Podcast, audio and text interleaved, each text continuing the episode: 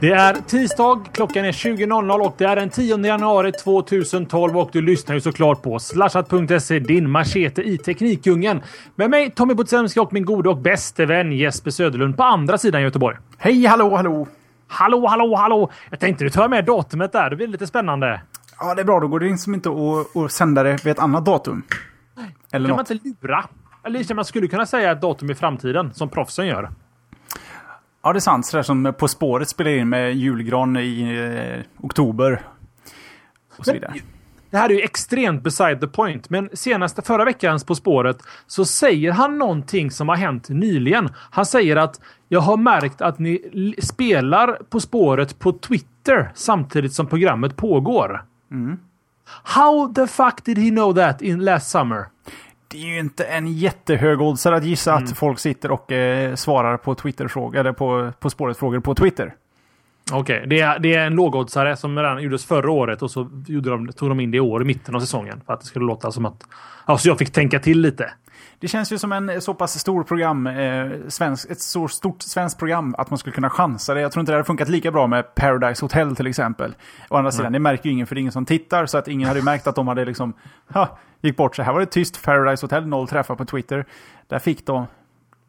Då är ju slutsatsen att du är den enda som sitter och tittar och då är det ju, det är ju tragiskt i sig. Då har jag väldigt få att twittra med, kan man säga då. Ja. Ja, i alla fall, det, det om det ni lyssnar på Slashat då, som jag nämnde i början. En teknikpodcast som har en tendens att deraila eller åka ur spår till och från. Till exempel in på På spåret. Ah, jag är så nöjd med det. Du är så nöjd där. Ah, alltså, jag, nej, tack för idag. oj, oj, oj, oj. Have a good night. My work here is done. Try the wheel. Nu går det ut för. Eh, ja, nu går det bara ut för. Vi går igenom Teknikveckan som har gått på ett lätt och ledigt sätt tillsammans med våra goda vänner alkoholen och varandra. Den här veckan är det ju CES Jesper och det blir lite CES i showen va? Ja, det, nu har den ju bara pågått sen igår. Eh, I och med att vi spelar in på tisdag och igår är ju måndag när den öppnade. Men det har ändå hunnit visas en del eh, roligt och eh, lite...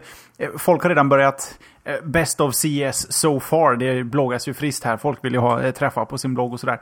Men jag har eh, gottat ner mig lite i vad folk har skrivit om det. Så vi ska nog ta en liten titt på vad roligt som har presenterats där. Och kanske till och med vad roligt som borde ha presenterats men inte gjorde det. Vi får se. Oj, oj, oj. Vilken feature. Mm -hmm. Mm -hmm. Jag har lite Jag har faktiskt en programrekommendation, en apprekommendation den här veckan. Det är sällan man får det från mig. Så jag tänkte jag skulle bjuda på en så här i början på året. Men det kommer som sagt vara senare i showen. Först så ska vi gå igenom förra veckans poll och den tar jag Jesper. Du, bring it on. Med en eh, rackans massa röster som jag inte orkar räkna ihop med huvudräkning här. Så ställde vi frågan. Använder du någon form av anonymiseringstjänst? Då tänkte vi Tor eller Predator heter den inte va? Jo, I, iPredator. iPredator. Mm. Just det. Och Till exempel, så, det finns ju flera alternativ.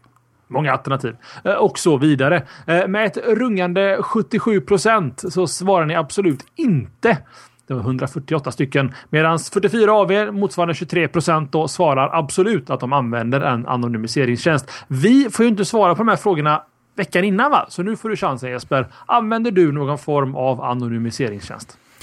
Absolut inte. Utropstecken, mm. eh, så som vi har formulerat frågan. Nu ges ju inte alternativet nej, kanske borde, jag vet inte. Eh, nej, men det gör jag faktiskt inte. Och jag vet kanske inte riktigt varför. Jag, jag, är ju inte... Du är ju lite mer säkerhetspersonen. Mm. Uh, jag känner bara att ska jag börja gå igenom anonymiseringstjänster så handikappas uh, massa andra tjänster som jag använder. Um, jag är ju duktig på att ha prylar som ringer hem till, till mina burkar här hemma. Och så fort jag bara gått in med att, att säkra upp det där så kommer jag få besvärligare med Air Video Server, Logmin, eh, jag vet inte, kanske till och med Dropbox, eh, vem vet, eh, Pogoplug, massa varianter. Så nej, jag kör, kör lite sådär semiöppet. Däremot så dök det upp någon tjänst på nätet, jag kommer inte ihåg när eller var, men man kunde man kunde kolla sig själv hur, hur öppen man är utåt och jag var fullständigt tokgömd. Så någonting har jag slått på någonstans i alla fall för att hålla mig hyfsat eh, bortom eh, eh, fara är väl fel att säga men jag, jag, är inte godtrogen och tror att jag är helt oupptäckbar där jag finns. Men jag har inte vidtagit några eh, åtgärder och känner ändå att jag har ett hyfsat, hyfsat koll. Sen har jag Max och vad drabbar det mig? Men, men, men alltså, sen får du komma ihåg att nu, du utgår du från ett hemmaperspektiv. Du flyger runt mycket som DJ. Använder du ingen form av säkerhet när du surfar på ett hotell till exempel? Jag reser till så konstiga orter som inte har internet. Du har inget internet? jag har försökt att bläddra i någon italiensk telefonkatalog uppe i Katalonien. Det är, så roligt blir det. det är max. Katalonien. Nej, men alltså om jag bara... Till exempel Fireship är ju någonting som alla ska vara medvetna om och vara lite oroliga för. Så att alltså om man sitter mycket på McDonalds och surfar och med sig laptops eller sitter på öppna nätverkspunkter eller vet du, trådlösa nätverkspunkter. Då måste man använda någon form av anonymisering. Um, alltså jag använder inte anonymisering för att jag vill gå in på sidor som inte vill att folk ska veta om. Det, det, det skiter jag blankt i. Utan jag ser till att använda Tor-nätverk när jag sitter på ett café till exempel. För att jag vill skydda min, min egen data där. Eh, så jag använder det definitivt eh, så ofta jag kan. Speciellt på hotell och sånt där. När vi var uppe i Stockholm på Scandic då satt jag på Tor-nätverk Jesper hela tiden. Jo, och sen så är det också så att sådana som du är, är ju säkrade och fint. Men det är också du som är ondingen här. jag och Magnus vi satt och planerade lite för GameX vad vi skulle göra. Kollade lite, bloggade lite. Vad gjorde du? Jo, du hackade in och kollade efter datorer i nätverket du kunde ta dig in på. Nej, och, men jag... Test, test, ja, nu kommer det fram. Nu kommer det fram. Du, du var där och eh, grottade lite i grannen där grotta lite i grannen låter nästan lite snuskigt. Du, eh, för alla polisiära lyssnare så kan jag meddela att jag gjorde ingenting olagligt. Eh, nej, men jag lyssnar på nätverkstrafiken över nätverket just för att jag, jag, jag fascineras. Jag är en riktig nörd. Jag fascineras just av eh, kommunikation och sånt där liksom och hur öppen egentligen kommunikation är. Eh, så att eh, jag vet. Jag vet hur lätt det är att ta sig in och ta sig in med att man kommer in på någons Facebook-konto liksom. Eh, så därför så är jag väldigt försiktig liksom just med tjänster jag använder själv. Jag kör alltid eh, Enforce eh, SSL till exempel i, Chrome så jag alltid använder HTTPS som jag kan. Och sånt där. Så att eh, men jag använder det. Kanske inte anonymisering i den form att jag vill gömma mig från någonting. Att det jag gör. För det jag gör är, det är skitsamma i princip. Min mailkonversation med min fästmö liksom. Det, vem bryr sig? Men i alla fall, jag vet att konton ska snos av mig. Så därför. Men slutsatsen är alltså att du har valt absolut i den här? Yes sir. Så Massa, lik, absolut. Så likt eh, våra julklappsutbyten så skulle man kunna kvitta min absolut inte mot din absolut och så hade Polle sett ganska likadan ut. Precis. Det vad blir det? Blir det noll då? Noll procent på båda om vi kvittar varandra. Alltså tar du bort en röst från absolut och en från absolut inte så, så eh, ändras ju i och för sig siffrorna om man hade haft lite fler decimaler på procenttecknen. Men eh, det tänker vi inte på nu Tom. Jag tycker vi tar en ny poll. Ja, det gör vi definitivt och den tar du hand om. Ja, det gör jag. För att du tog förra. Just det. Gäller att hålla koll på ordningen här. Mm. Enkel fråga till er lyssnare där ute, ni vet ju hur det går till. Ibland så finns det inget roligt att fråga folk om och då hittar vi på något eget roligt att fråga och då är det alltid kul att höra lite eh, vad ni, vad ni, hur folket som lyssnar på Slashat tänker och tycker och eh, är helt enkelt. Och den här gången så är vi lite nyfikna på om vi har någon sorts impact i det vi pratar om här. Eh, både tjänster vi tycker är dåliga, eller tjänster vi tycker är bra, eller produkter, eller spel, eller eh, alla möjliga saker vi har diskuterat under de här 147 avsnitten. Så frågan för den här veckans avsnitt är helt enkelt, har du någonsin köpt något efter att ha hört om det på Slashat? Och alternativen är precis som i föregående poll. Absolut och absolut inte. Och det kan vara att vi har recenserat ett spel, vi har eh, tipsat om någonting i förbifarten, eh, kanske till och med tyckt illa om någonting. Jag menar, jag gillar Apple-prylar och tyckte illa om någonting, då kanske ni PC och eh, Ubuntu-folk där ute tycker ah, då är det precis för, för mig liksom. Fult, guj, taget liksom och så vidare. så, har du någonsin köpt något efter att ha hört om det på Slashat? Absolut, absolut inte. Mycket enkel frågeställning. Kör hårt. Och anledningen till detta är väl att vi, vi, vi är nyfikna om, om vi har någon genomslagskraft hos er som lyssnar egentligen. om, om vi är värda någonting. Ja, men, men lite så. Lite så. Det är alltid, alltid kul att veta. Alltså, vi kategoris, katalogiserar det ibland och det här är en av de frågorna. Helt enkelt. Och Vill man vara säker så kan man använda en anonymiseringstjänst innan man röstar i våran poll. så, så blir de inte lika katalogiserade som, som eh, de övriga. Uh, och, och, sen kan man säga också att vi, uh, vi loggar väl ingenting röstväg. Va? Vi har ingen inloggning eller någonting, så vi vet ju inte vem det är som röstar tekniskt sett heller. Nej, det är sant. Nej. Vi har inte riktigt grävt oss ner i våra poll-plugins funktioner heller. Så att, Fast den har ju en IP-check i alla fall, så den sparar nog IP någonstans. Det borde den ju göra. ja, det är sant. Om det inte är en kaka på datorn. Nej, det är en IP-check. Varför ni kunde inte för- rösta hemma hos mig? Nej, precis. Nej, just det. En- Okej, en då, då sparar vi en- en IP. Just det. Och vi vill ha de här uppgifterna i bagaget när vi ringer runt till alla våra eh, annonsörer. För ni vet ju att Slashat har ju genom alla år varit väldigt dränkt i reklam. Så att, just det. Notera den här blinkande bannern Ja, där uppe. po- Pokerbannen som står rätt över sajten. Viagra, Den. så här, slak penis som hänger ut från sidan här. Så. Det hade varit kul om ett Viagra-bolag hade bara sponsrat oss Nej, Jesper. men det hade, det hade en liten grejen. sån där och sen en liten Viagra. Mm. Du, vi, Nej, nu apropå flansar jag. Viagra. har fått en öl idag. Det blir lite. Tramsigt. Jag har ju. Eh, apropå Viagra, det, det tar mig os, ospårat in, eller o, eh, ja, jag, jag plaskar rätt ner i vårt temaavsnitt Jesper, som vi ska spela in under, under nästa vecka, va? Eller nästa vecka igen. Du, jag kom på det idag att det ska ju spelas in. Väldigt dåligt med förslag kan jag meddela i topicen där. In med mer förslag, för ni har, en, ni har fram till, ska vi säga måndagen den 16 på er att faktiskt komma med förslag och funderingar på vad vi ska ha för temaavsnitt som går av stapeln den 24. Just det. Men nu, nu går du händelserna lite, i, inte i förväg. Vad är motsatsen till förväg? Efterbliven? Nej, det är det inte. Ja, Efterväg. Efterväg. Mm. Vi har ju redan en klar. Har vi det? Vi har Pierre Pox, våran allestädes fotograf, som ska snacka lite foto med oss. Allt från teknik till vad man ska tänka på och eh, när man fotar och varför ser dina bilder så kassa ut och eh, fotografers så bra ut. Och eh, planen, i alla fall min plan Tommy, har varit Mm. att eh, styra upp honom till ett, en riktigt eh, grym special om foto. Mest för att jag är väldigt intresserad av foto. Jag vet att du vill kunna mer om foto än, Oh. än du kan. Och jag tror att det kan bli ett riktigt bra avsnitt. Så Målet är att få tag på honom att göra en show innan den 24. Det är en och annan dag kvar tills dess. Jag skulle gissa sådär två veckor, det borde vi kunna klämma in. Men, men vi lovar inte att det blir så. Men det är vår avsikt i alla fall. För Pierre kanske är upptagen. Han kanske är i Thailand.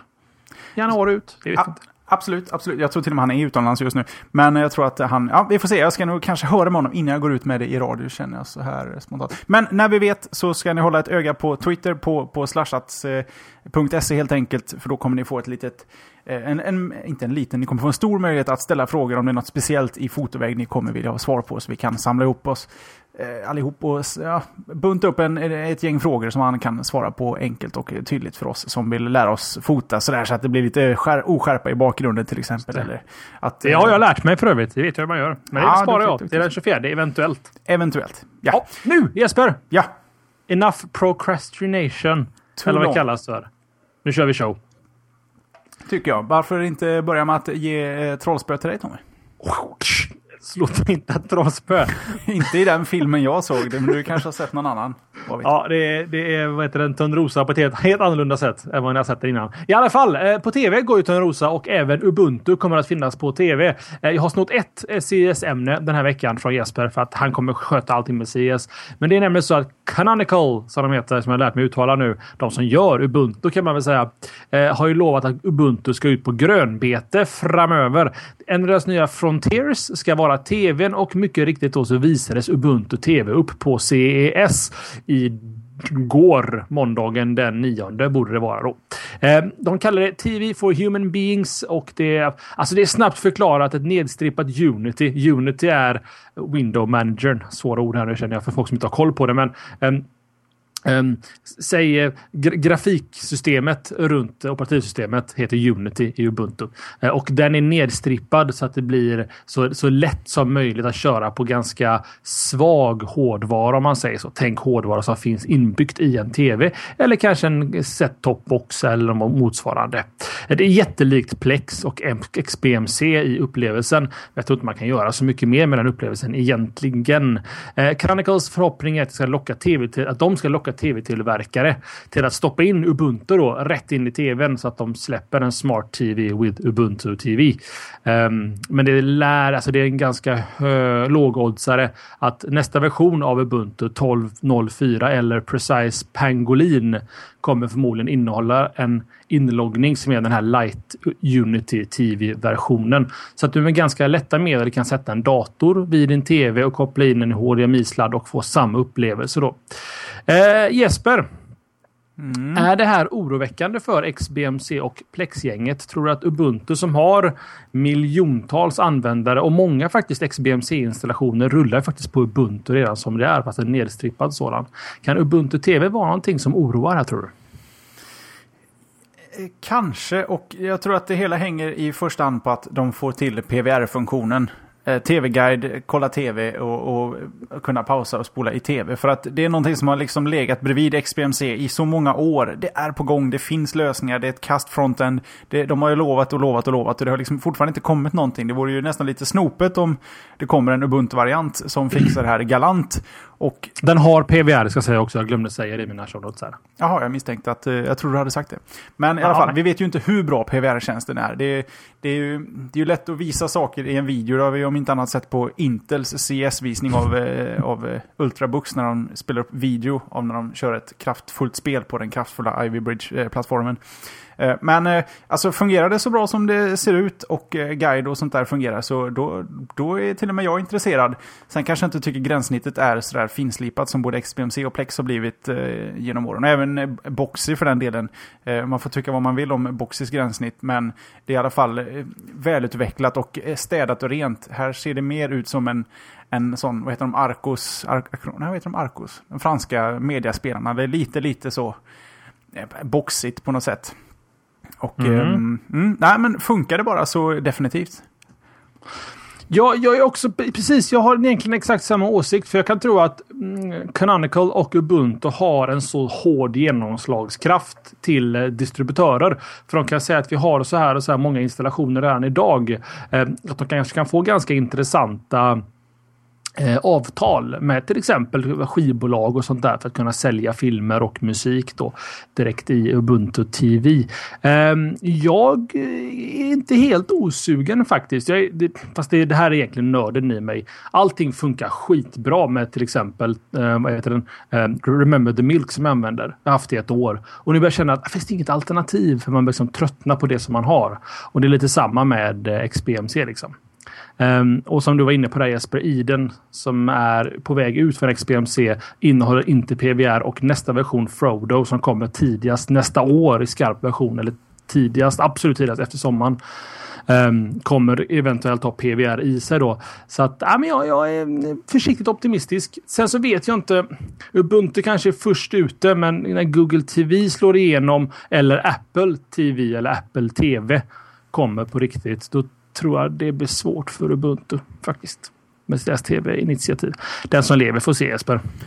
Sen har vi Google TV har gjort ett försök. Det gick ju inte sådär våldsamt bra.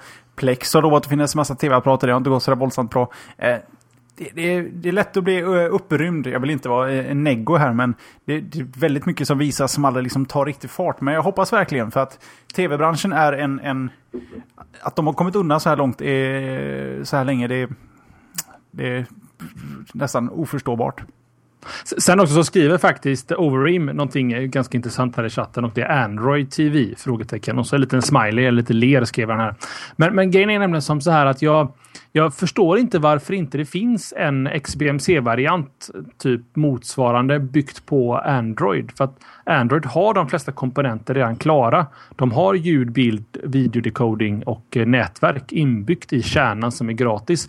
Det, nu, nu, pratar jag utan kunskap här, men det, det, kan inte vara så jäkla komplicerat att göra en, ett mediacenter runt Android. Nu säger Snowsnake att det finns ju det är Google TV, men eh, ja, det kanske är Google TV då som är lösningen där. Hmm. Eller något open source-projekt hade jag tänkt då. Men skitsamma, det, vi får se. Den, eh, vad blir det nu? Den, den fjärde januari, februari, mars, april då släpps eh, Precise Pangolin. Där det här ska finnas inbyggt i det. Och den här versionen kommer vara en LTS, Long Term Service Release. Eh, så de brukar vara ganska väldigt, väldigt bra från Ubuntus sida. Vi får se Jesper. Ta oss vidare. Vi har så mycket då den här veckan. Ja, vi har ju det. Och då tänkte jag gå över till att Broadcom har introducerat nästa Wi-Fi-standard. Mm. Eller Wi-Fi, beror på hur svensk man är. Eh, ni bör väl känna till det vid det här laget, men har ni sett beteckningen 802.11 så är det eh, i alla fall trådlöst eh, nät det handlar om i, i de flesta fall. Eh, vi har gått igenom A, vi har gått igenom B, vi har gått igenom G, vi har gått igenom N. Och under en lång tid innan N blev spikad så så släppte eh, hemskt massa företag eh, trådlösa routers och sånt med specifikationen innan den ens var spikad och lovade att den skulle gå att uppgradera. Och då gick det under namnet Pre-N. Så stod det på de flesta routrarna under en ganska lång tid. Nu är i alla fall nästa standard presenterad och den heter 802.11ac. Och mm. den... Sexigt. Sexigt, ja verkligen. Mm. Um, den, eh, jaha, vad är nytt med den då? Trådlöst. Eh, man bara förväntar sig att det ska vara snabbare och så är fallet. Den är eh, cirka tre gånger snabbare än, än den tidigare versionen N och den är sex gånger strömsnålare. Det är de två målen de har haft. Naturligtvis att det ska bli snabbare, men i alla fall i, i, en av de stora poängerna är att få ner strömförbrukningen. För allt fler saker idag med wifi är eh, små prylar med små batterier. Och eh, även om jag kanske inte... Det här låter så Apple-fanboyigt, men iPhonen känner jag inte att så fort du har wifi igång att det på något sätt påverkar prestandan eller batteritiden så mycket. Men på en Android tycker jag det upplevs ganska tydligt om wifi är på eller av. Eh, sen får du hålla med eller inte. Men eh, jag tycker ändå att det är helt rätt väg att göra det hellre, som i det här fallet, tre gånger snabbare, sex gånger eh, strömsnålare sex gånger strömsnålare. En sjättedel så strömförbrukande. Mm. Hellre det än att siffrorna var tvärtom, att det var sex gånger snabbare och drog en tredjedel ström. För ström behöver komma ner.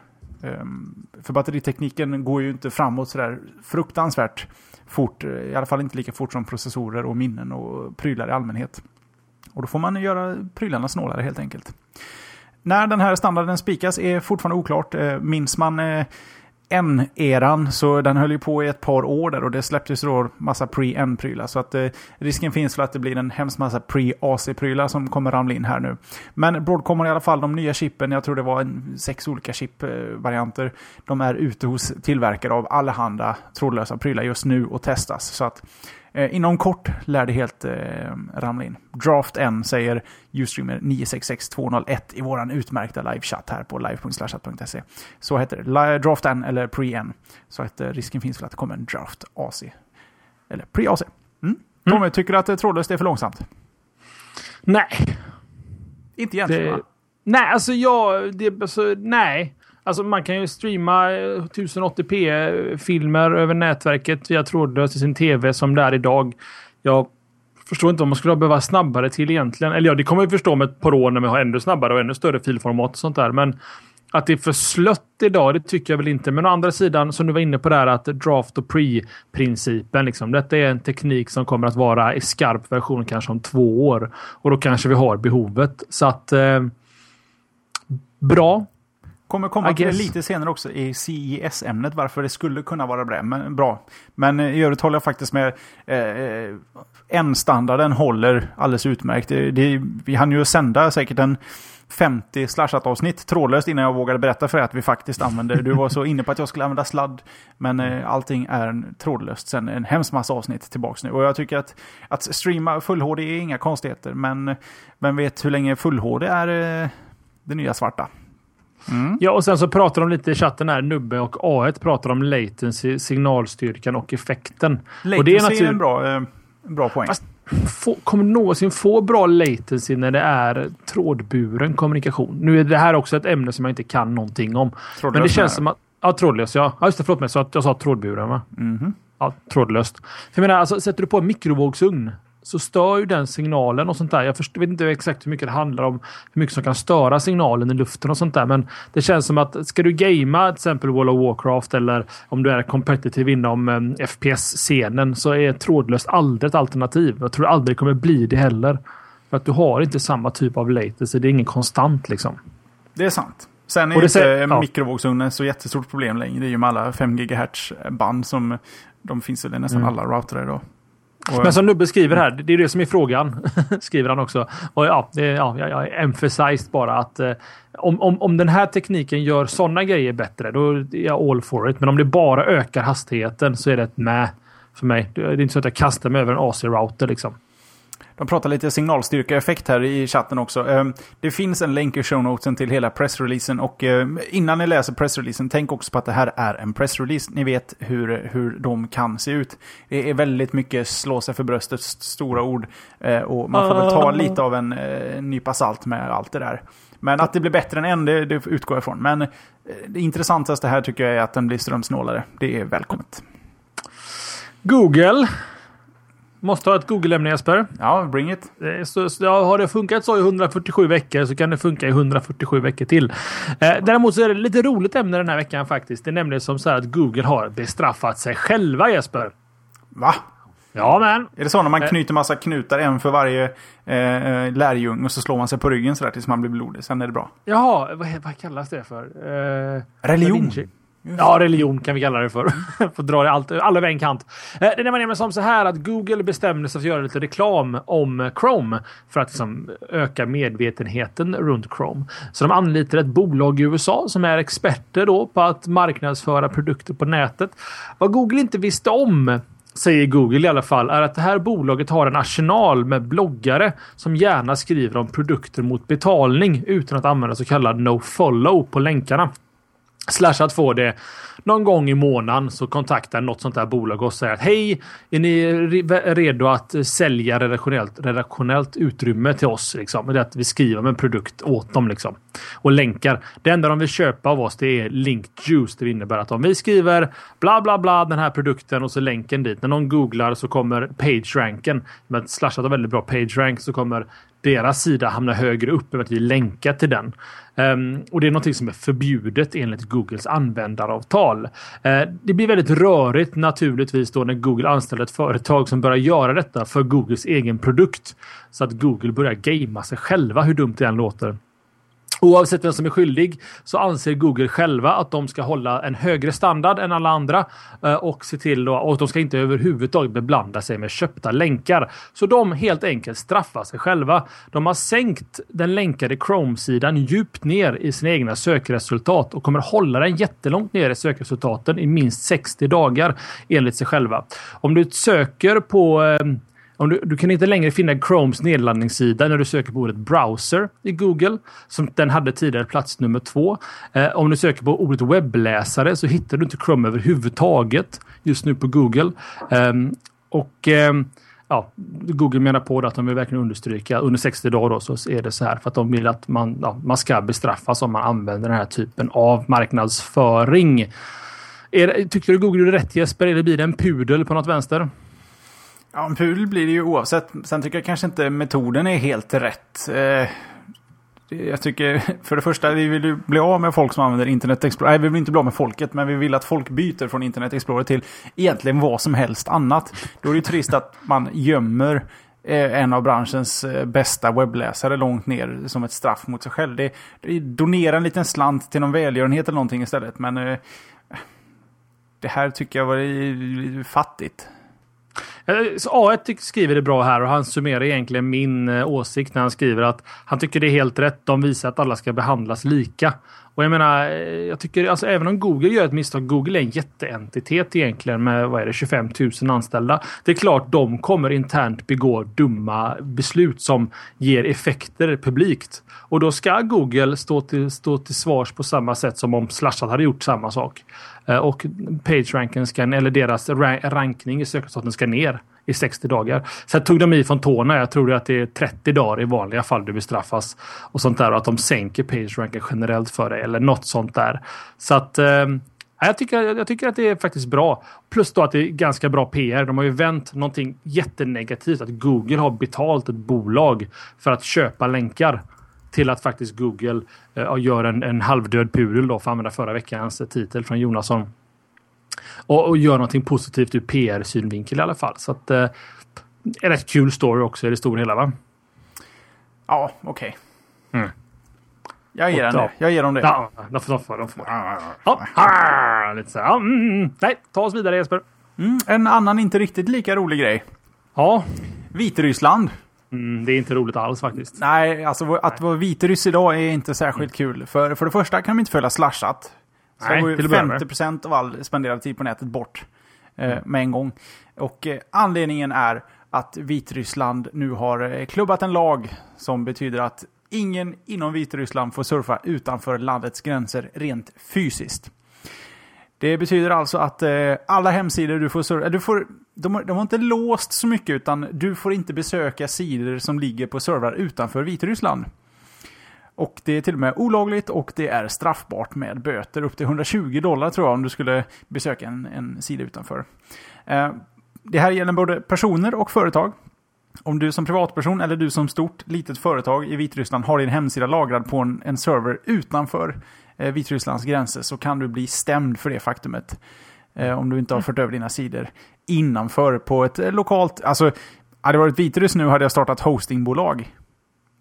Ja, verkligen. Snacka om att trafiken kommer öka Det internt. varit business, så att säga. Om du så att du känner någon eh, vitryss kanske och är där på besök och du på hans soffa vid hans trådlösa utan att veta om de här lagarna eh, råkar surfa in på Facebook eller säga vad som helst, någonting utanför Vitrysslands gränser i alla fall, så är din kompis enligt lag tvungen att anmäla dig. Annars kommer den här personen själv att hamna i trubbel. Eh, hur övervakar man det här? Jo, Regeringen där har helt enkelt eh, tvingat leverantörerna att spåra all trafik från alla enheter, så länge roll om det är dator eller om det är mobil, tablet. Så länge du använder deras nät så ska det här spåras och all, alla uppgifter om, om kontakt med eh, utsidan helt enkelt ska anmälas. Eh, går du till biblioteket för att surfa på en dator där så kan du inte göra det anonymt. Du måste identifiera dig där så att du kan sättas dit om du skulle få lust att bryta mot lagen där. Det är lite oklart så här långt vad anledningen till den här eh, nedstängningen är. Men eh, Lukasjenko eh, där borta, han, vissa anser honom vara Europas sista diktator. Och har fuskat sig till att bli omvald där borta. Och vi vet ju alla Tommy att en diktator behöver inte anledningar för att göra någonting. Ehm, och eh, i en diktatur så har du inte så mycket att säga till om. Ehm, jag tror inte Nordkorea får surfa mycket längre så att säga. Kanske de två kan få prata med varandra så de får i alla fall lite sån interkontinental eh, diskussion med, med likasinnade får vi väl säga då. Mm. Illa. Det här, ja, det här, det här är alltså... Det är Vi läskigt. gnäller om Ipred och, och, eh, och nu har redan FRA och sånt där. Det finns alltid de som har det värre. Ja, det, ja, man får tänka så. Nej, men alltså detta är ju fruktansvärt. Det är 2012 liksom. Det, det, det känns som att sådana här grejer inte borde få finnas. Men eh, motivationen bakom sig och sådär, det, det kunde du inte få fram någonting om, eller? Det var ju skitsvårt. Jag försökte verkligen gräva vad anledningen var. Det, det har tydligen att göra med att eh, någon bloggare, eller journalist inom citationstecken som eh, eh vitryska regeringen kallar honom, blev eh, lite mystiskt mördad. Efter att ha skrivit lite kritiska saker. Och sen var det ett, ett uppror med eh, demonstrationer och grejer. Och det här var väl något sätt att eh, det är bäst att stänga ner det här för att eh, Gud vet hur de kommer använda internet för att göra uppror mot eh, regeringen igen. Så att eh, det är väl någonstans där det finns en sanning om det hela. Mm.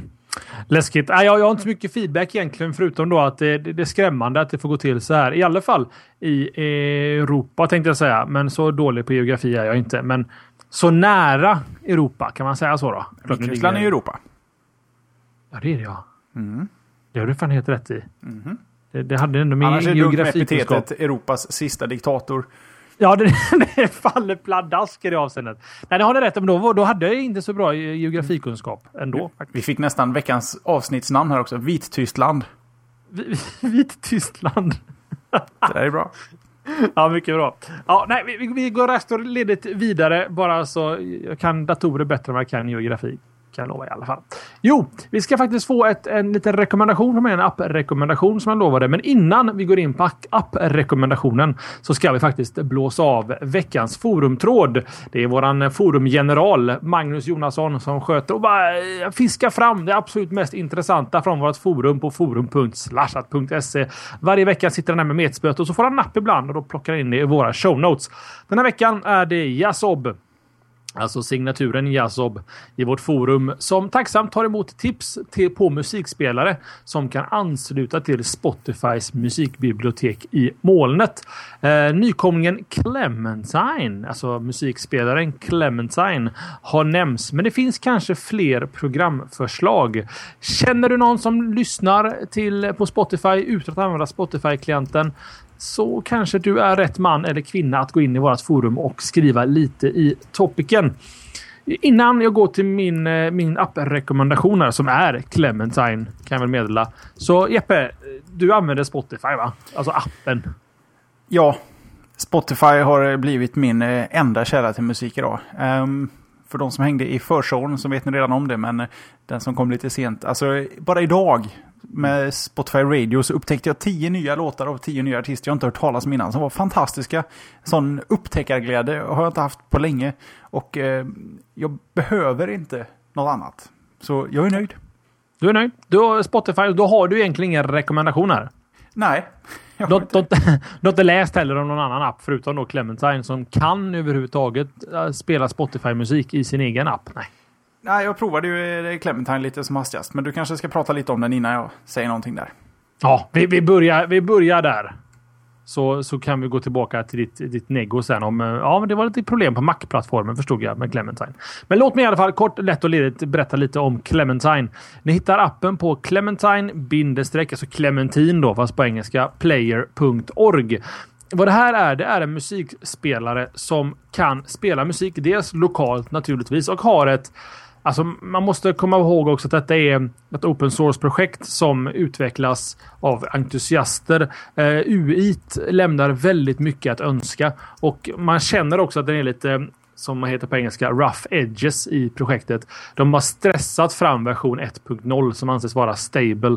Mest för att de ska få ut den misstänker jag. Eh, det, är lite slarvigt och det funkar inte helt optimalt. Eh, men om man, man tar det om man tar det för vad det är, en testversion, så tror jag man kan bli ganska nöjd. Vad det är som gör att jag blev väldigt entusiastisk över Clementine och i samma ögonblick faktiskt avinstallerade Spotify från min arbetsdator och min hemmadator och mina netbooks och laptops. Det är just att Clementine kan prata med Spotify-biblioteket eh, och prata med till exempel Grooveshark eller Last.fm. Så att jag har idag playlists i Clementine som innehåller låtar från Spotify, Grooveshark, Last.fm och lokala låtar. Blandat hipp som happ och jag sätter randomize på den playlisten och det, jag skiter i vart musiken kommer ifrån. Om man säger så i laglig väg. Eh, den spelas bara för mig om du förstår vad jag menar. Eh, och eh, Spotify har inte allt, Grooveshark har inte allt, Last.fm har inte allt och min lokala library har inte allt av förklarliga skäl. Så kombinationen här gör, gjorde mig väldigt entusiastisk. I princip det här, det här gör min cloud-lyssnande komplett egentligen. I alla fall på arbetsdatorn och hemmadatorn och på netbooken. Det finns ingen mobilversion av det här ska jag också nämna. En, en annan väldigt, väldigt schysst funktion som jag just gillar med Clementine. Den är, de, de, de har satsat väldigt mycket på att den ska vara lättviktig så att säga. Den är, det, är ingen, det är ingen tung app att dra igång. Den är ganska resurssnäll om man säger så. Nackdelarna lämnar lite att önska i form av UI. Det märks att det är avkodare för kodare. De skulle behöva lite Mac-inspiration där. Den funkar på Windows, Mac och Linux. Eller Ubuntu huvudsakligen. Då. Utan några större problem. Och den integreras skitsnyggt in i libnotify i Ubuntu till exempel. Och den använder Gnome shortcuts och allt automatiskt. Så att, äh, väldigt angenäm upplevelse. Du, du var inte helt överens Jeppe dock va? Äh, det verkar väl i första hand ha att göra med att, eh, att Mac-versionen så här långt inte är alls lika långt kommen. Vad vi kom fram till var att eh, Linux-varianten hade kommit lite längre. Jag kunde inte spola i låtar, jag kunde inte pausa, lite sådana där grejer. Eh, sen så följer lite på en fundamental sak som du och jag, eh, där vi skiljer oss åt. Du gillar att lyssna på musik. Du kan, känner till, har playlist på, eh, lyssna på samma musik helt enkelt. Och jag är en riktig sucker för att upptäcka ny musik. Och alla de här nya funktionerna som finns i med Spotify Apps och Spotify Radio eh, försvinner effektivt om man kör med Clementine. Och då är man bunden till att antingen söka upp musik eller ordna i playlists. Eh, och då funkar det inte riktigt för mig. Men sen så att du, alltså för det första, du, du är väldigt snabb på att avinstallera saker så fort du hittar någonting litet. Mm. Har du verkligen avinstallerat programmet? Borta från datorn eller har du liksom avinstallerat mentalt? Jag tog bort shortcutten. Okay. Gjorde jag. Ja. Okay. Jag har inte avinstallerat. Jag tyckte det, det är väldigt eh, liksom, grova moves att göra. Så man hittar någonting som är i extrem beta. Att, nej, nu avinstallerar jag allting. Bort, bort, Ja. bort. Sådär. Men eh, en Fast kort fråga bara. Jesper, Mm. ja, angående avinstallationen. Det fina med cloudmiljö det är att jag kan avinstallera. Det, det stör ju inte. Alla playlists är ju kvar och allting ändå. Jag installerar det igen sen. Absolut. Du kan bara inte skapa nya. Nej, precis. Ja, det var det. Ja. Ja, men jag har också två saker till jag glömde nämna om faktiskt eh, Clementine. Kan jag dra in dem snabbt emellan här? Ja, det finns utrymme. Spotify Premium krävs naturligtvis och även Grooveshark Anywhere för att komma åt de här. Det, naturligtvis, du måste ju ha tillgång till API eller till ja, eh, Lib Spotify och sånt där. Det måste också nämnas så att inte folk blir ledsna på oss sen. Sen en, en annan sak som jag tyckte var jävligt nice, eller väldigt nice för att använda lite mindre svordomar. Det är just det att du har global search. Så söker jag efter Airbase Escape till exempel. Så söker den samtidigt då på lokalt Spotify, Grooveshark och Last.fm. Så spelar det liksom ingen roll var den kommer ifrån sen i slutändan. Så det, det kan vara värt att nämna som en liten pro-grej. Skill skillnaden för mig är ju att eh, om du tar Spotify-länken så får jag betalt ett öre. Mot Grooveshark-länken så får jag noll betalt. Mer om Grooveshark sen kanske? Ja, jag får nog hoppa i ett ämne här. Det känns lite för relaterat för att jag inte ska hoppa dit. Aha. Men du hade någonting mer du sa du som du inte var nöjd med? Att det inte går att pausa och spola. Fast det ska funka. Det, det funkar ju i... Jo, jo, men att det ska funka i does not keep me warm at night, så att säga. Um, när det funkar kanske är intressant. Äh, men alltså, det är väldigt sällan jag är nere i mina playlists och lyssnar på vad som ligger där. Jag drar igång radio, knappar in en låt jag tycker är bra, som är en låt jag skulle vilja lyssna på nu. Och då föreslår Spotify en, en annan låt i samma stil. Och sen kör jag på det nästan hela dagen. Och sitter och bara kör star-markering på det jag tycker är bra. Sen sparas det, så gör jag en ny playlist och det sparar. Och så kör jag vidare. Bara ny musik. Intressant faktiskt. Jag arbetar inte alls så. Utan jag känner av, känner så här i örat. Vad är det för mode jag är idag? Du wet willigar dig själv. Nu ser ja, inte radiolyssnare här, men nu sitter Tom alltså. Solo ja. wet willigar alltså. Mm. Mig själv. Känner att nej, vad ren det var i örat för övrigt. Eh, så känner jag att nej, idag är det soundtracks. Så går jag in i min soundtracks-mapp där jag har alla mina favoritsoundtracks och så bara play. Sen blir jag sugen på lite psytrance. Ja, då går jag in i psytrance-playlisten. Play. Men du upptäcker ingen ny psytrance, du upptäcker ingen ny filmmusik. Nej. Det var bättre det... förr. Ja, det, det, var bättre för. Nej, men det har du faktiskt rätt i. Ibland kan jag sitta och tänka så här, nu är jag trött på alla mina låtar jag har i det här playlisten. Vad gör jag nu? Det kan, jag kanske ska... Ja, jag kanske tittar lite mer på, på eh, radiofunktionen då helt enkelt. För det finns så mycket bra där ute. Det är så det är Jesper. Men nu får vi skynda på. Vi har så mycket ämnen och vi har så lite tid. Ja, tiden går. Ja, men ja. då får jag nästan gå eh, väldigt korta steget över till att Groove Shark stäms. Mm. Igen. Det stämmer bra. Av alla. Mm. Eh, den som har hängt med på Groove Shark, eh, den som inte vet vad Groove Shark är efter Tommys lilla rant här, det är ju en musiktjänst. Säg likt Spotify, lite mer gråzon, eh, lite större utbud med tanke på att alla användare själva kan ladda upp musik och komplettera. Eh, Flashbaserad spelare, eller HTML5 åtminstone va? Mm. Or both. Ja, det, var, det var Flash förut. Idag så använder de Flash för att spela upp streamen. Men resten är HTML5. Okej. Okay. Ja, Groove Shark, eller ägarna Escape Media Group, har blivit stämda av de tre, eller inte av de tre, utav tre utav de fyra stora skivbolagen. Och det fjärde bolaget som inte har stämt, det är EMI och anledningen till det är att de eh, eh det är det enda bolaget som Grooveshark har lyckats göra ett avtal med och det gjordes 2009. Eh, men redan där så faller det för att nu har även EMI med ett avtal med Grooveshark stämt dem. Så nu har alla stora skivbolag stämt eh, eh, Varför då EMI har stämt Groove Det har att göra med att eh, de betalar inga pengar. De har inte fått en enda krona i royalties på, eh, ja vad blir det nu, tre år. Och eh, just nu så kräver EMI från Groove Shark minst det är så härligt definitiva siffror här. Minst 150 000 dollar i royalties. Och eh, Groove Shark skakar lite sådär nonchalant och säger att det här är bara en kontrakt, kontraktsdispyt som snart kommer att vara löst.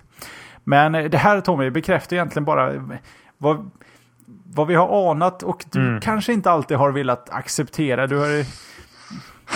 Nej, alltså jag, jag var överentusiastisk. Inte, är inte för artisten så att säga.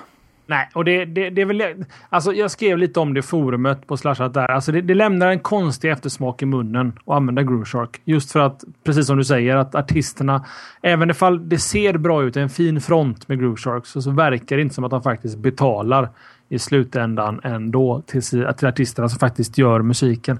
Um, och jag menar, både jag och Jeppe är on the record med att, liksom, att vi man ska stödja artisterna i, så, i det längsta möjliga mån. Liksom. För att om inte man finansierar produktionen av den här kulturen så blir det ingen mer kultur. Liksom. Eller ingen mer musik eller ingen mer film. Så att eh, nej. Ja, nej, nej, jag vet inte. Jag, jag, betalar de inte för sig så ska de stämmas, tycker jag väl också. Men också håller jag med om att Groove Shark överlag känns lite shady, va?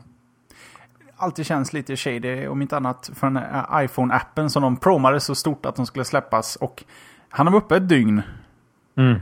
Några han och grepparna. Jag tror jag har kvar den någonstans sparad på någon backup ifall att man skulle vilja skaffa ett premiumkonto eller vad de kallar det. Anywhere sa du att det va?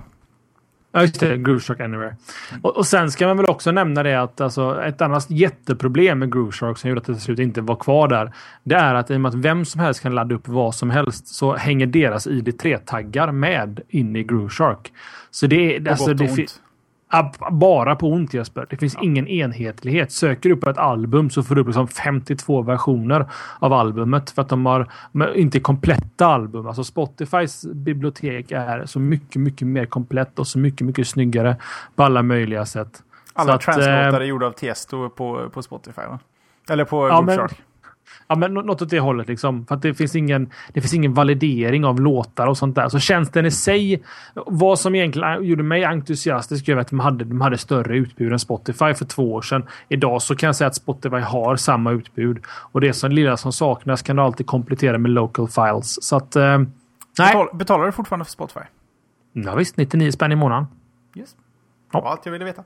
Ja, Amen, amen. Ska vi, ska vi döna vidare då kanske? Och nu har vi någon form av tråd här, så då kör jag det då om kopiismen. Kopimist... Kopimism. Mm. Kopimism. Precis. Det rullar inte av tungan sådär Nej, som det, gör inte det.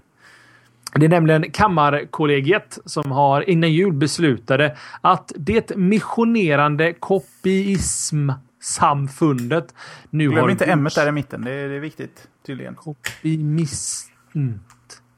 Herregud. Har godkänts som ett religiöst samfund. För, för nyktra. Ja, men verkligen. Ehm, ja, eh, och det här var de, det, det, det, de ett av samfundets religiösa budskap är att fildelning är heligt och centralt för samfundets religiösa verksamhet. Religionen har i nuläget cirka 3000 anhängare i ett tiotal länder. Det är en tredubbling sedan mitten på förra året eh, och det grundades 2010 av Isak Gerson, filosofistudent och numera överstepräst då i det här samfundet.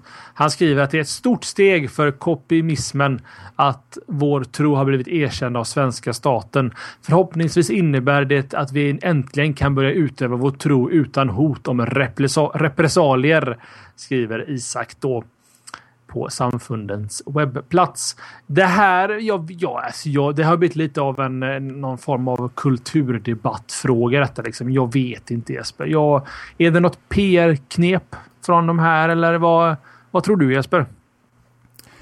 Alltså, ja. Risken finns att jag stöter med massa lyssnare här som tycker att det här är häftigt fräckt. Jag tycker det är trams. Jag var inne på eh, det missionerande kopimist, eh, kopimist samfundet, eller kopimistsamfundet.se och läste lite om själavård, vår konstitution och vår tro och försökte bilda mig en uppfattning här. Men det är, är bara massa trams. Eh, nej, jag förstår inte. Det nej. För mycket fritid. För mycket fritid och eh, någon sorts missriktad ilska om att allt ska vara gratis. Jag, jag vet inte, jag, informationen ska vara fri. Jag har fortfarande lite svårt för det. Men det kanske har med att jag är musiker att göra, jag vet inte.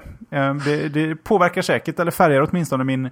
min eh, det här, du, kan inte, du kan inte sno något som inte är ja, digitalt, för du gör en kopia och hela den biten. Men eh, folk som jobbar med någonting som andra njuter av, man tycker i slutändan mm. att man ändå ska på något sätt eh, visa sin support för att det ska komma mer.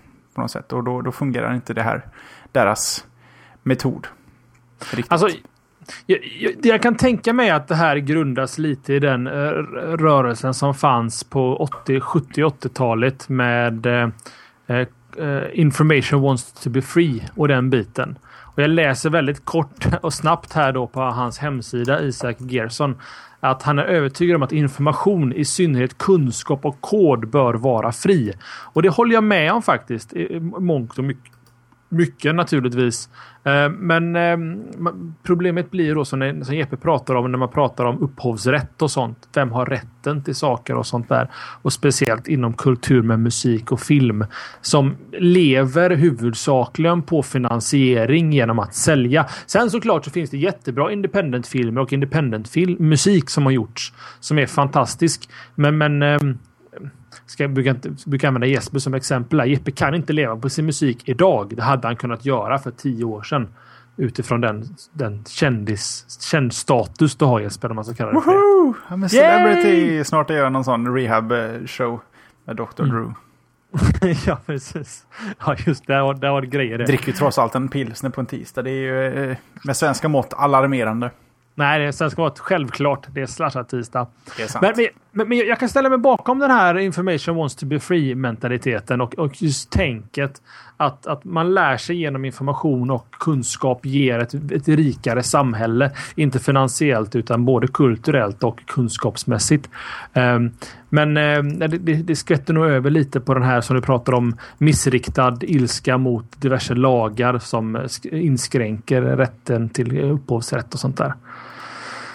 Så att, uh, nej, nu går vi vidare Jesper. Det var ett tråkigt ämne. Varför tog jag det ämnet? Jag vet inte. Åtta flatters ja. har de fått. Åtta flattrar. Mm. Det är, då har vi fått fler kan jag meddela. 24 flattrar har vi fått tror jag. Mm. Kanske skulle lägga in knapparna på den nya sajten. Det, det, kan ju bidra till att det ökar. Ja. Jag vet inte. Annars har vi ju våra två donationsvarianter nu. Antingen donerar man en liten slant eller så väljer man en, en väldigt liten slant återkommande varje månad i våra recurring donations. Jag vet inte om jag har nämnt det, men uh, har vi inte gjort det så har vi gjort det nu. Slashat Nej, det är för att den funkar inte på sajten Jesper. Jo, det gör den visst. Jag provar den funkar. Okej. Okay. När vi ni hör detta så funkar det sen. Exakt. Ja. Vi tar det efter eftersnacket. Tills dess tar vi inte emot några pengar. Nej, nu ska vi till Jespers nästa ämne. Ja, och det är väl hög... Lite CES nu då. CES, nu är det dags för CES. Consumer Electronic Show 2012 går av stapeln just nu medan vi pratar i Las Vegas i USA. Och eh, den öppnade i, eh, för oss som spelar in igår, i måndags. Och eh, har då hunnit rulla här under två dagars tid. Och eh, visst, många försöker slå på stora trumman så fort som möjligt. Vissa håller tillbaka lite för att inte eh, liksom, hamna i bruset av alla nyheter. Eh, det är så fruktansvärt mycket som har visats där. Jag har försökt gå igenom lite grann för att hitta godbitarna. Jag tänkte bara lista ett par saker som har visats som jag tyckte var värt ändå att eh, notera. Eh, så här långt så har vi inte hittat någon riktig trend över att förra året så var det bara tablets, tablets, tablets. Ingen sån riktig självklar jättetrend verkar dyka upp så här långt än, men det kan ju ändras under veckan som går. Ehm, några av de produkter som har visats. D-Link har visat en hel del eh, nya prylar. Eh, bland annat en molnkamera. Du kan alltså styra och eh, hålla koll på ditt hem via webbläsare. D-Link visade för övrigt en, en, mängd olika produkter som står hemma som du kommer åt eh, ej hemma så att säga. Du kopplar upp dig mot den eh, utifrån helt enkelt. Och eh, Microsoft, eh, som folk egentligen trodde skulle visa något stort, vissa kanske till och med hoppades på nästa Xbox. De eh, har egentligen inte visat så mycket. Det enda de har visat det är en Kinect som kostar mer. Kinect kommer nu nämligen officiellt till Windows i februari. Och den kommer att kosta någon tusenlapp mer än vad den kostar till Xbox. Och det har de till och med förklarat i pressreleasen att det handlar om att Eh, anledningen till att den är så billig till, eh, till just Xboxen är naturligtvis, och det kan man väl i och för sig räkna ut, att tanken är att du ska köpa Kinect-spel och att eh, den är liksom lite... De har dragit ner lite på priset för att eh, göra den attraktiv. Men till Windows så eh, kommer den kosta lite mer. Jag kommer inte ihåg om det var 299 dollar eller 249 dollar. Men eh, lite extra kostar den. Förvånansvärt många tillverkare har visat wifi-kameror helt enkelt.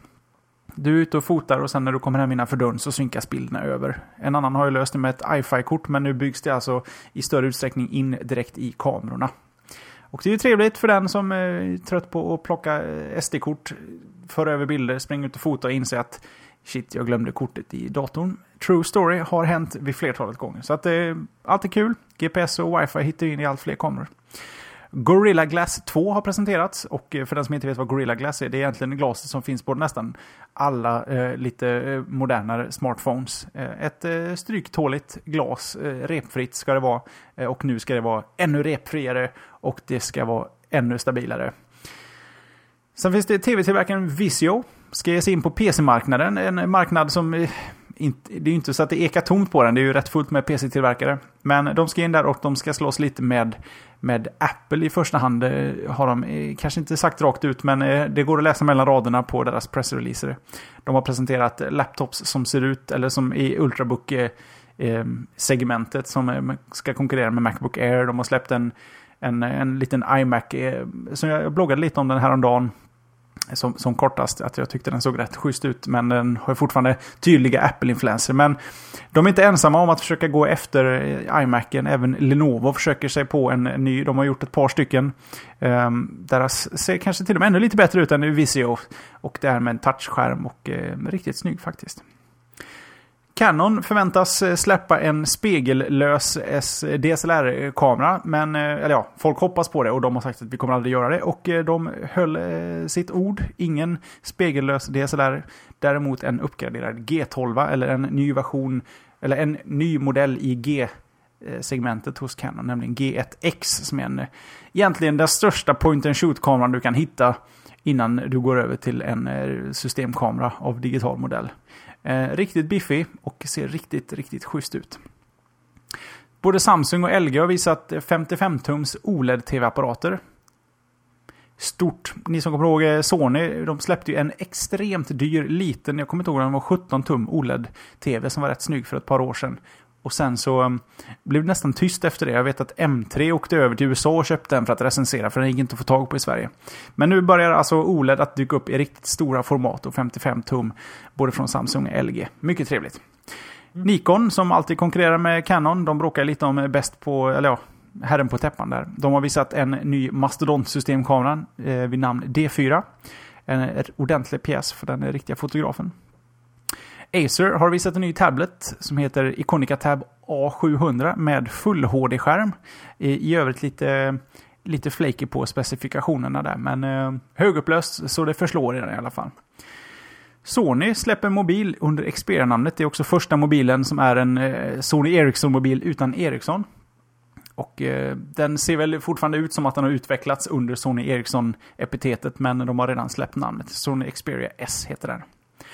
Sen var LG där och eh, nu kommer vi lite till det där med en klient, eh, bandbredd, trådlöst, eh, AC, nya Broadcom ehm, specifikation. LG har visat en 84-tums 3D-TV med vad de kallar Ultra Definition, eller 4K. Och för den som inte vet vad 4K är så är det alltså egentligen dubbel full HD, vilket betyder fyra gånger så hög upplösning. Det är alltså 3840 gånger 2160 pixlar, vilket betyder extremt högupplöst. Så eh, snart är det bara dags att börja koda om de där gamla filmrullarna till ännu en ny Blu-ray 2-format, jag vet inte. Intressant är det i alla fall och högre upplösning, det vill vi ha. Sen har Panasonic visat en videokamera som, jag vet inte varför, men de har visat en videokamera med en optisk upplösning på upp till 70 gånger. Mm. Vilket För fluktar den i dig?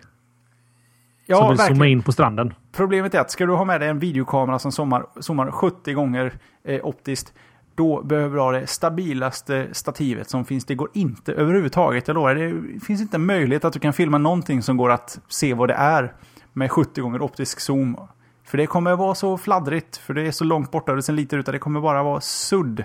Men eh, det gäller ju på de här mässorna att konkurrera med stora häftiga siffror och eh, det här är ändå bara ett ett litet axplock av det som har presenterats under bara de två första dagarna. Då förstår ni hur mycket det är som presenteras borta på CES. Mm. Är det något sådär Tommy som får dina juices eh, spontant utav det jag pratar om? Ja, alltså Kinect för Windows kan ju vara rätt spännande. Man, visste, man kände väl att det var på gång när Microsoft eh, släppte den här öppnästikon. Att bygga Kinect-applikationer liksom. För något år sedan tror jag. Förra hösten. Alltså hösten innan igen, alltså 2009. Nej, 2010 måste det ha varit. Ja, förra hösten. Nej, nu rör jag till det för mig. Hösten 2010 släppte de en SDK för att göra just appar för Kinect i Windows. Och jag är ehm, lite fundersam till varför släpper de en, en Kinect till Windows när det så här långt verkar gå alldeles utmärkt att använda en Kinect för Xbox som kostar mycket mindre. Uh, ja, så, eller vad sa du nu? Släpper de Kinect för Windows? De släpper väl Kinect-mjukvara i Windows? Det är inte en specialbyggd... Kinect Kinect fysisk för Windows som kostar oh. mer än Kinect för Xbox. Så frågan är vad är det den sitter på för juices? Men då, frågan är om man kan koppla in en vanlig Kinect i sin uh, maskin. Det har vi sett uh, otaliga demon på. På nätet. Ja, faktiskt. Jag vet inte, den kanske har någon, eh, någon extra feature. Och det, det är inte så att den här nya Kinect for Windows Kinecten kommer att vara den som säljs även till Xbox senare? Att den som Jonasson säger är mindre till exempel? Eller bättre crap i. Jag förstod, alltså jag tyckte det var lite otydligt i deras pressrelease mm. här. För spontant så tänker jag, okej, okay, de säljer samma Kinect till ett annat pris. Vilket gör att du kan köpa vilken Kinect som helst, förslagsvis den dyrare, eller billigare. Uh, och använda med datorn. Men någonting måste ju skilja sig. För de är väldigt tydliga med att uh, deras Kinect för Windows är endast hårdvara. Det är upp till utveckla, hitta på något roligt med det. Det kommer liksom ingen, du kan inte köpa en Kinect för PC och ha kul med eh, det medföljande roliga programmet, utan det här är hårdvara för någon som kan eh, latcha till det. Eh, Viktor Bilenga, bindestreck 1 i chatten, han är, han är snabb och googlar lite åt oss. Han påstår att den nya för ska ha lite bättre eh, närgräns. Och jag vet av de, videodemos jag har sett av Kinect för Xbox som är kopplat till dator att det finns en, en, en, det finns utrymme för förbättringar. Så kanske finns det något litet där. Det, det borde det göra. För det finns mm. ingen anledning att sälja två saker med två olika kartonger till olika pris. Eller en sak eh, med två olika namn i två olika kartonger till olika priser. Alltså, sen, men det här intresserar i alla fall för att det finns så många olika tillämpningar där Kinect skulle passa sig jättebra. Eller överhuvudtaget den här typen av styrning. Ehm, ett exempel som Steve Ballmer sa på scen där på CES, det var väl just inom det medicinska området. Att läkare som har handskar på sig kan interagera med en dator i operationsrummet utan att behöva trycka på tangenter och motsvarande. Ehm, Knäcktekniken Kinect-tekniken är intressant. Den är inte ny, men den är intressant och ändå till ett konsumentpris. Att, ja, men det, det var väl egentligen det som jag hajade till på extra mycket, tror jag. Sen är det alltid spännande med större tv-apparater. Um, och så fort OLED går ner i pris och blir liksom um, the shit så kommer ju vanliga LED-tvs gå ner markant i pris. Och det gynnar ju oss konsumenter som inte vill ha den absolut senaste modellen eller tekniken i alla fall. Eh, just för kostnadens skull. Då.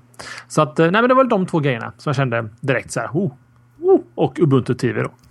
Om det kommer något roligt de här närmaste dagarna under den här veckan som CES pågår så kommer vi naturligtvis rapportera om det i Slashat 148. Och, och kanske på jesper.se kortfattat kanske? Eller kort.jesper.se där vi sammanfattar korta, roliga, korta grejer. Just det. Det är en liten ny funktion från Jespers sida där. Prata Jesper? Nu eh, bröts det upp lite där. En gång till. Ja, det är en ny funktion från din sida. Den får också promotas lite. Ja, alltså jag tänkte ju så här. Kan Apple klämma in en iPad mellan laptopen och eh, sin iPhone, smartphone eh, i det utrymme som ingen trodde att det behövdes någonting så kan jag minsann klämma in någonting mittemellan en blogg och Twitter. Så tänkte jag. Mm. Mycket bra. Ja. Mycket bra. Eh, ska vi ta ett, ett kort ämne till? Vi har något form av nytt rekord i tid. Sen går vi vidare. Ja.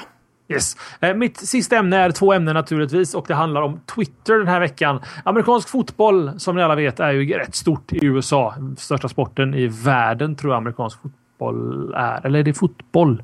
kan ha rört ihop det där. Skitsamma, stort som satan i USA och det återspeglas även i den digitala världen. Eh, då eh, spelaren Tim Tebows gjorde en passning på över 80 yards. 80 yards på svenska är jävligt långt som ledde till en touchdown för Denver Broncos så slogs det ett nytt amerikanskt Twitter-rekord på 9420 tweets per sekund när han gjorde den här passen. Eh, det här slår alltså det tidigare amerikanska rekordet från Beyoncés “Jag är gravid” på MTV Video Music Awards i augusti där det var 8868 TPS. För den uppmärksamma lyssnaren så hör ni att jag säger USA va? Ja, för japanerna är inte kloka. För när tv, när japanska anim, anim eller anime filmen Castles in the Sky släpptes i december så var det 25 088 tweets per seconds. De är en helt annan liga här borta i Japan Jesper. Det är lite roligt att lilla Japan spöar USA tre gånger om. Det är i craziness. Per. Sen vet vi ju inte hur, hur, hur, över hur lång tid det här är. Men kan de ha tweetat 25 000 tweets per sekund, second i 10 sekunder medan USA snittade 9 000 i sekunden i en kvart. Då är det en annan sak. Men eh, visst, mm. eh, rekord ska vara rekord. Då, då är ju inte... Då är det ju inte ett rekord. Nej, men det är sant. Så ettan är Japan med det här eh, Castle in the Sky och tvåa då är ju eh, Tim Tibows passning. Hans jävla långa passning helt enkelt. Eh, och nästa ämne då som handlar om Twitter. Det är att HP tillsammans med Intel kommer att hosta världens första livestream av med en konsert på Twitter. Det är Jespers homeboy Tiesto som kommer att eh, flippa skivor eh, under, eh, jag tror det är 90 minuter på deras hemsidor då. Eh, och det startar den 10 januari, en onsdag. Eller 11 januari, förlåt mig, 11 januari, vilket borde vara imorgon. Ja, det är imorgon onsdag imorgon klockan 10 Pacific Mean Time. Tror det, det betyder alltså att det är klockan fyra svensk tid på morgonen. Tack Jesper. Yes. Men det är, då, det är då klubben ska vara igång. Ja, det är sant. Så Ja. ni bara kalasar imorgon. Vi tar en efterfest online och så kör vi ett litet sånt vardagsrums-rave här under någon timme. Sen går vi till jobbet. Eh, pre, ja, ett vardagsrums-rave. Eh, Tiesto spelar på klubben, eh, nattklubben XL. Eh, XL, XS at Encore i Las Vegas och det är därifrån de streamar. Sen kommer man kunna lyssna på det här sättet under 48 timmar på HP och Intels Twitter-sida. Det här är för att promota Twitter pages egentligen från Twitters sida och HP och Intel. Jag tänker mig att det var inte gratis att få Tiesto att ställa upp på detta. Rätt Du, stor det industri. är inte gratis att få Tiesto att ställa upp med någonting, ska jag säga dig. Man kan ju faktiskt, vi har ju faktiskt tillsammans med Fokus tagit Tiesto till Stockholm för en herrans massa år sedan. Du, jag har ju köpt en liten skanner som jag bloggade om häromdagen. Doxy, den trådlösa. Satt och Mm. Ja. skannade en massa bilder och sprang jag på våran extremt skakiga intervju med Tiesto på ett litet, litet hotell på Drottninggatan. Där vi sitter och, och, och, och ser jättenervösa ut runt Tiesto på den tiden. Mhm. Det var, det var många år sedan. Eh, Vi kan reminisce om det här i eftersnacket. Vi har en lång historia med Tiesto faktiskt. Eller Tisfärd Väst som han heter det på riktigt. Ehm, jag hade ju så roligt ämne också Jesper, men jag får, jag får släppa den till nästa vecka. Så enkelt är det. Ja, det har sprungit iväg här och jag känner att eh, jag har inget mer att tillföra här heller egentligen. Inte som Men kan jag få ta spara. mitt sista då? Kan jag få ta den då? Ja, jag bjussar på min spot för att du har ett ämne som du påstår är väldigt, väldigt bra.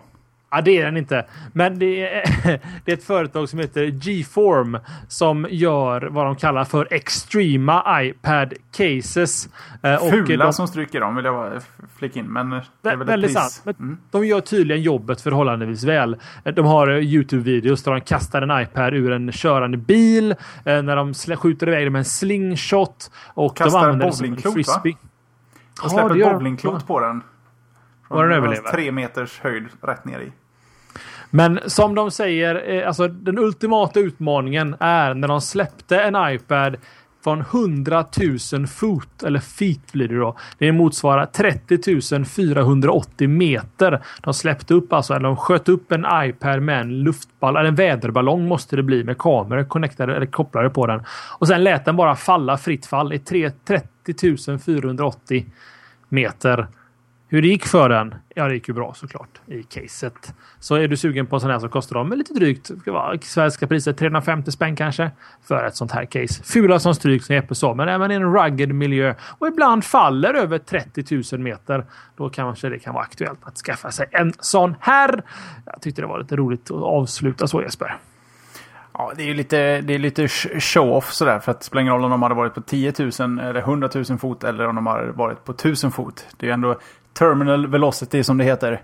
Som, som avgör det här. Men eh, visst, eh, att, att landa säkert är ju alltid tacksamt. Eh, det är ju hemskt trevligt. Eh, det finns massa roliga experiment. Du kan ta ett okokt ägg Tommy, gå ut på gräsmattan, kasta det så högt du kan. Och det kommer landa på din gräsmatta så kommer det inte gå sönder. Ett okokt ägg. Okokt ägg, prova det. Nej, men det är det, på gräsmattan. På gräsmattan. Inte när det är kärle, om man säger så. Nej, nej, nej jag förstår. Men alltså, jag, det, det, nej. Alltså, jag har en kick-ass högerarm. Jag har tränat min högerarm i så många år, Jesper. Så att jag kan kasta det lätt tusen meter upp i luften.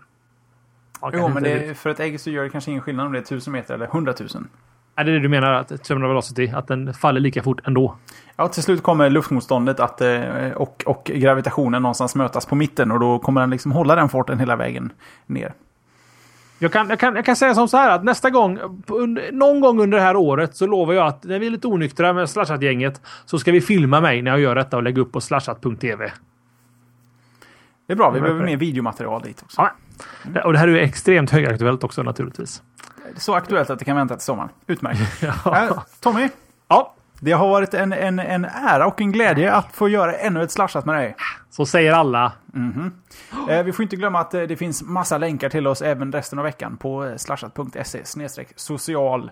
Och vill man, eller om man behöver kanske lite hjälp, så finns alltid forum.slashat.se och har man lite tur så kanske man till och med får den där tråden upplockad och in i showen så ser vi till att försöka svara på det efter vår förmåga. Och kan vi inte det så ser vi till att våra lyssnare på något sätt glider in. Vi uppmanar alla till att hjälpa till om ni kan någonting inom området som diskuteras i veckans forumtråd. Att eh, ta er in dit och eh, hjälpa till helt enkelt. Jesper har helt rätt i det. Sen har vi även slashat.se social om ni vill följa oss på diverse sociala nätverk, både med och Jesper, eh, men även eh, Slashat-showen. Det är egentligen på Twitter med användarnamn Slashat som jag tror vi är mest aktiva.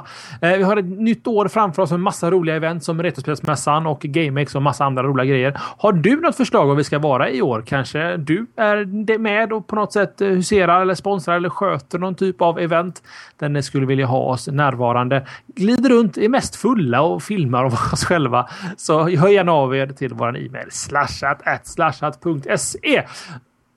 Showen drivs av donationer så har ni en slant över. Eh, jag märkte att det gick upp lite Jesper under julveckan och julhelgen. Lite det tackar vi ja. oerhört mycket för.